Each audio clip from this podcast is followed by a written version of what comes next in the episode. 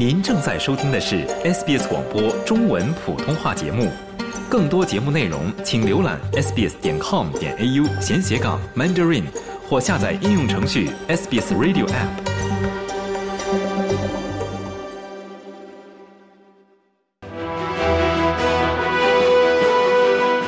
AUKUS agreement. Israel batters Gaza in We are equal.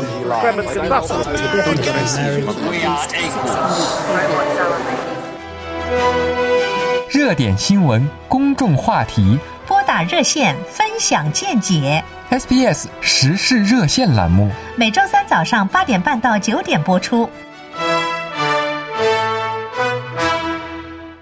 听众朋友您好，欢迎您继续收听 SBS 广播中文普通话每周三和您见面的时事热线节目，我是刘俊杰。大家早上好，我是谢欣。我们看到，二零二四年初，也就是本月初的大型连锁超市 Woolworths 呢宣布不出售澳大利亚日相关商商品。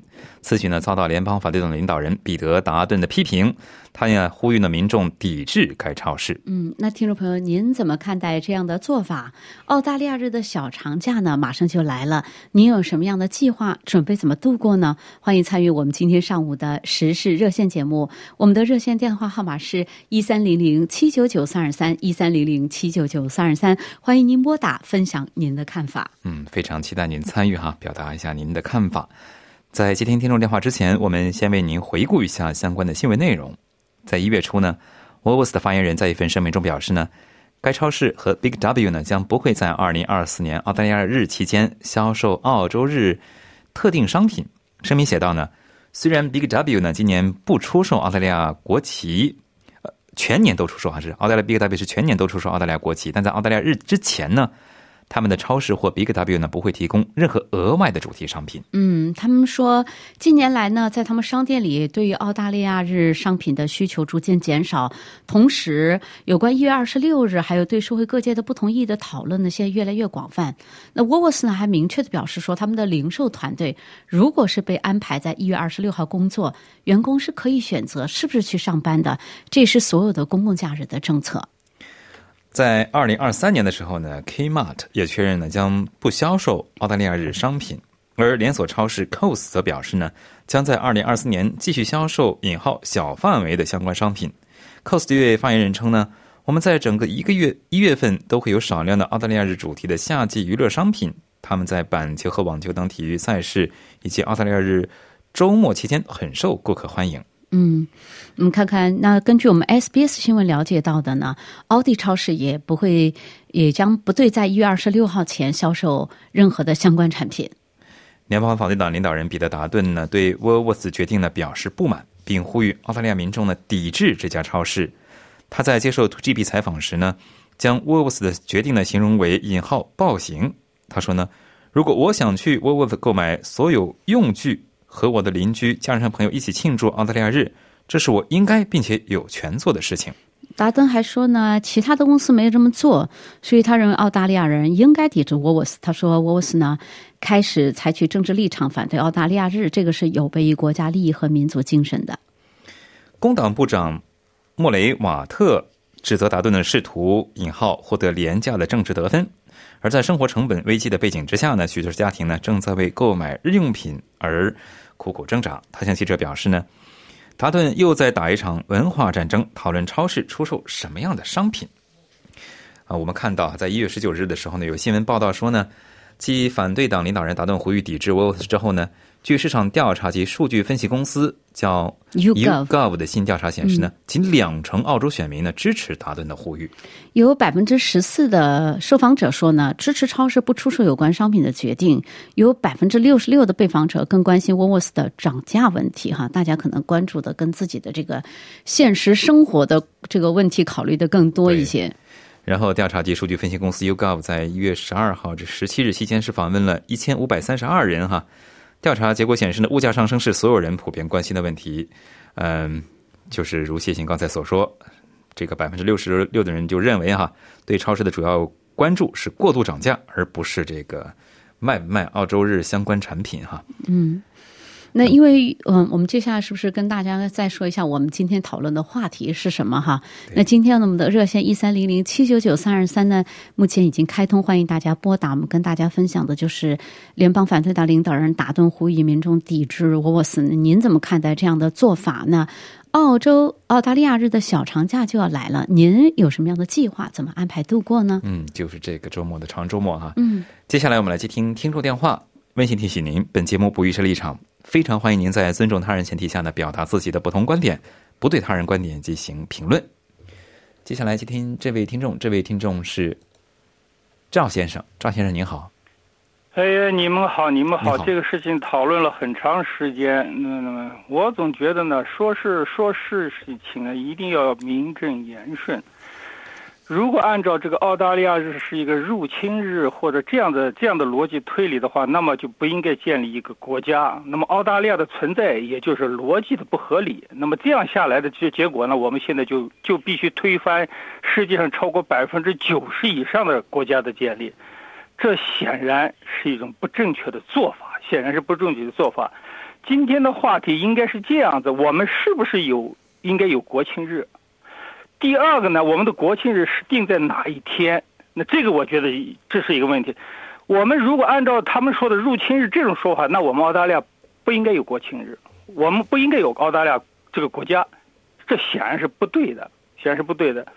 在这个选择这个时候呢，有有有说这个领土的属属属属性，还有文化。其实领土的属性和文化，其中这个文化这个东西没有没有什么什么好谈的，因为在澳大利亚这个地方，举目望世界看起来，这个地方还是相对比较好的一个地方，保护文化的地方。如果以文化作为一个开口说的话，我觉得名不正言不顺，非常非常不让让让人接受。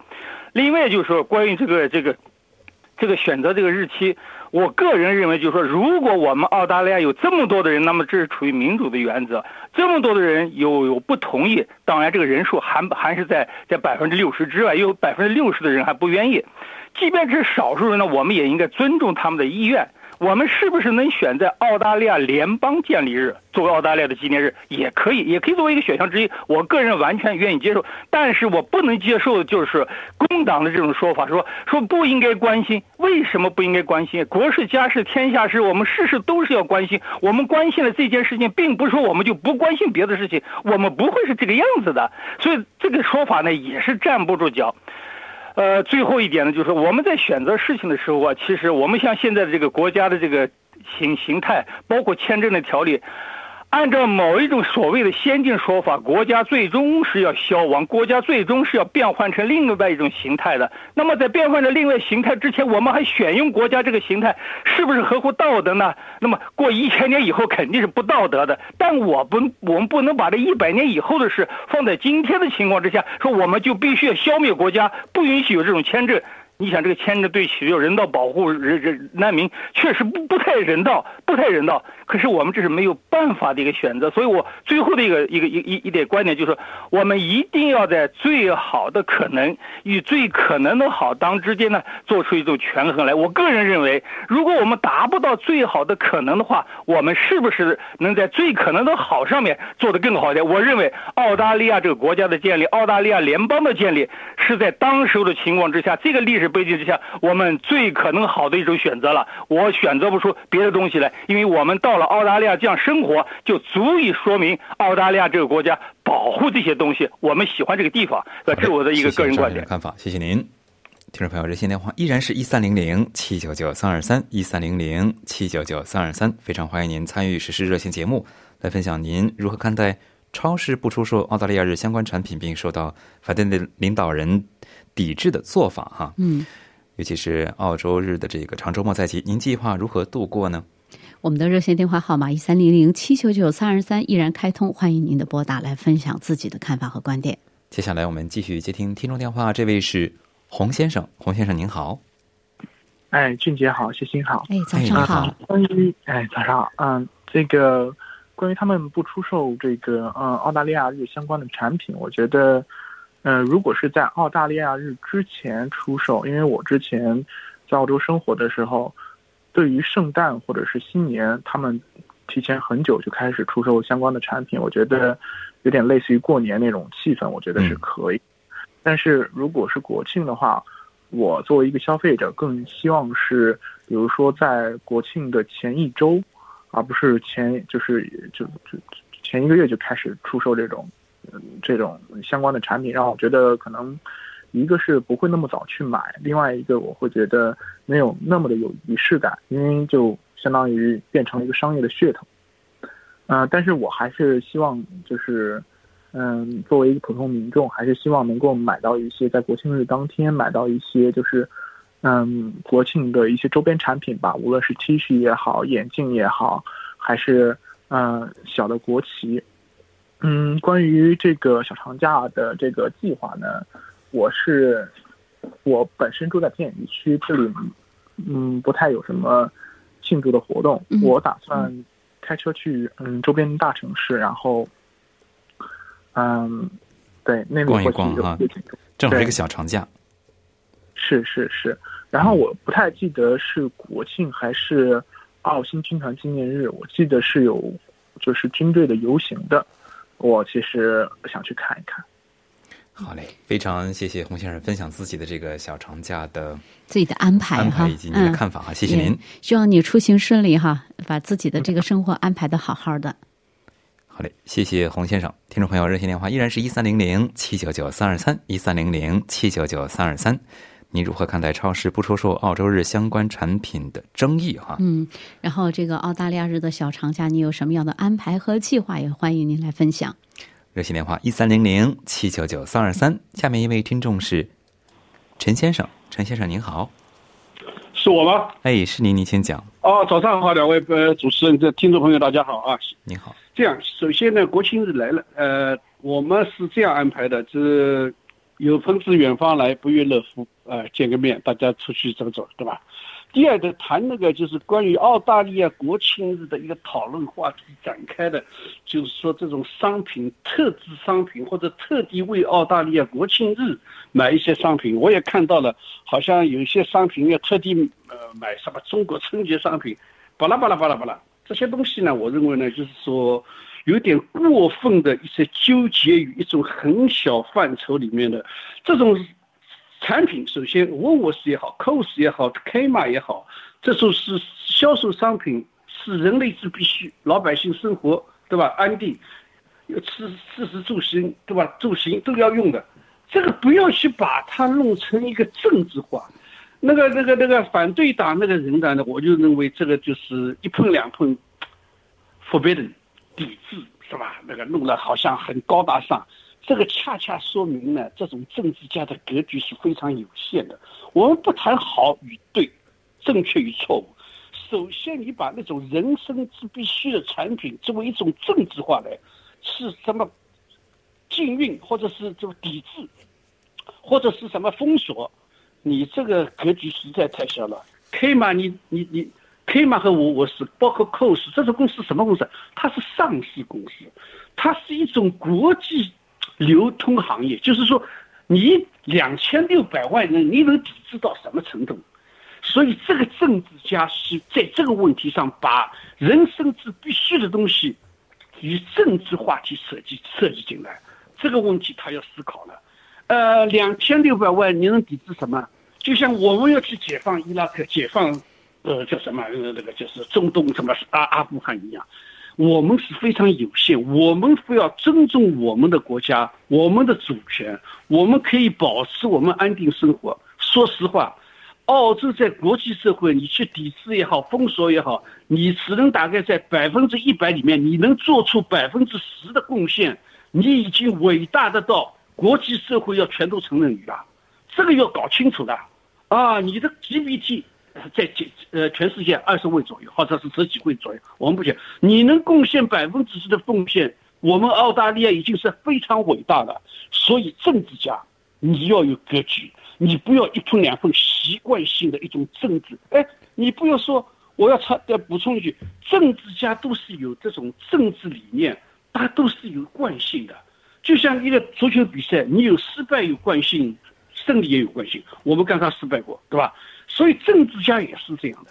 你不能谢谢陈先信生看法。就是就是信口开河，我们要一分两分抵制。这个国家就是大家过过日子很好，你去把商品与政治联系起来，你能抵制什么？不行的，好不好？好嘞谢谢陈先生看法谢谢大家您节日好，啊，大家节日好。同时祝您这个小长假顺利哈。听众朋友，您正在收听的是 SBS 广播中文普通话周三的时事热线节目哈。今天抛出的话题呢是，大型连锁超市沃尔沃的宣布呢不出售澳大利亚相关商品，受到了反对党领导人彼得达顿的抨击，并呼吁民众抵制开超市。您如何看待超市不出售澳洲日相关产品的做法？那么，澳洲日长周末在即，您计划如何度过呢？哎，对，都欢迎您来跟我们进行分享。热线电话号码依然是一三零零七九九三二三。接下来我们继续接听听众电话，这位是张先生，张先生您好，大家好，哎，您好，您好，我同意这个原住民的想法，而且我们要尊重他们，但是我们不可能完全听他们的。张先生，您的电话的声音很杂哈，您有没有开开着这个收听设备啊？没有啊，嗯，嗯，没办法了啊，您是免提吗？啊，免提的。您可以把电话放到耳朵边上吗？不然我们听不清您说什么。OK，好谢谢可以的吗？现在好多了，现在好多了。啊，好。至于国日、国庆日，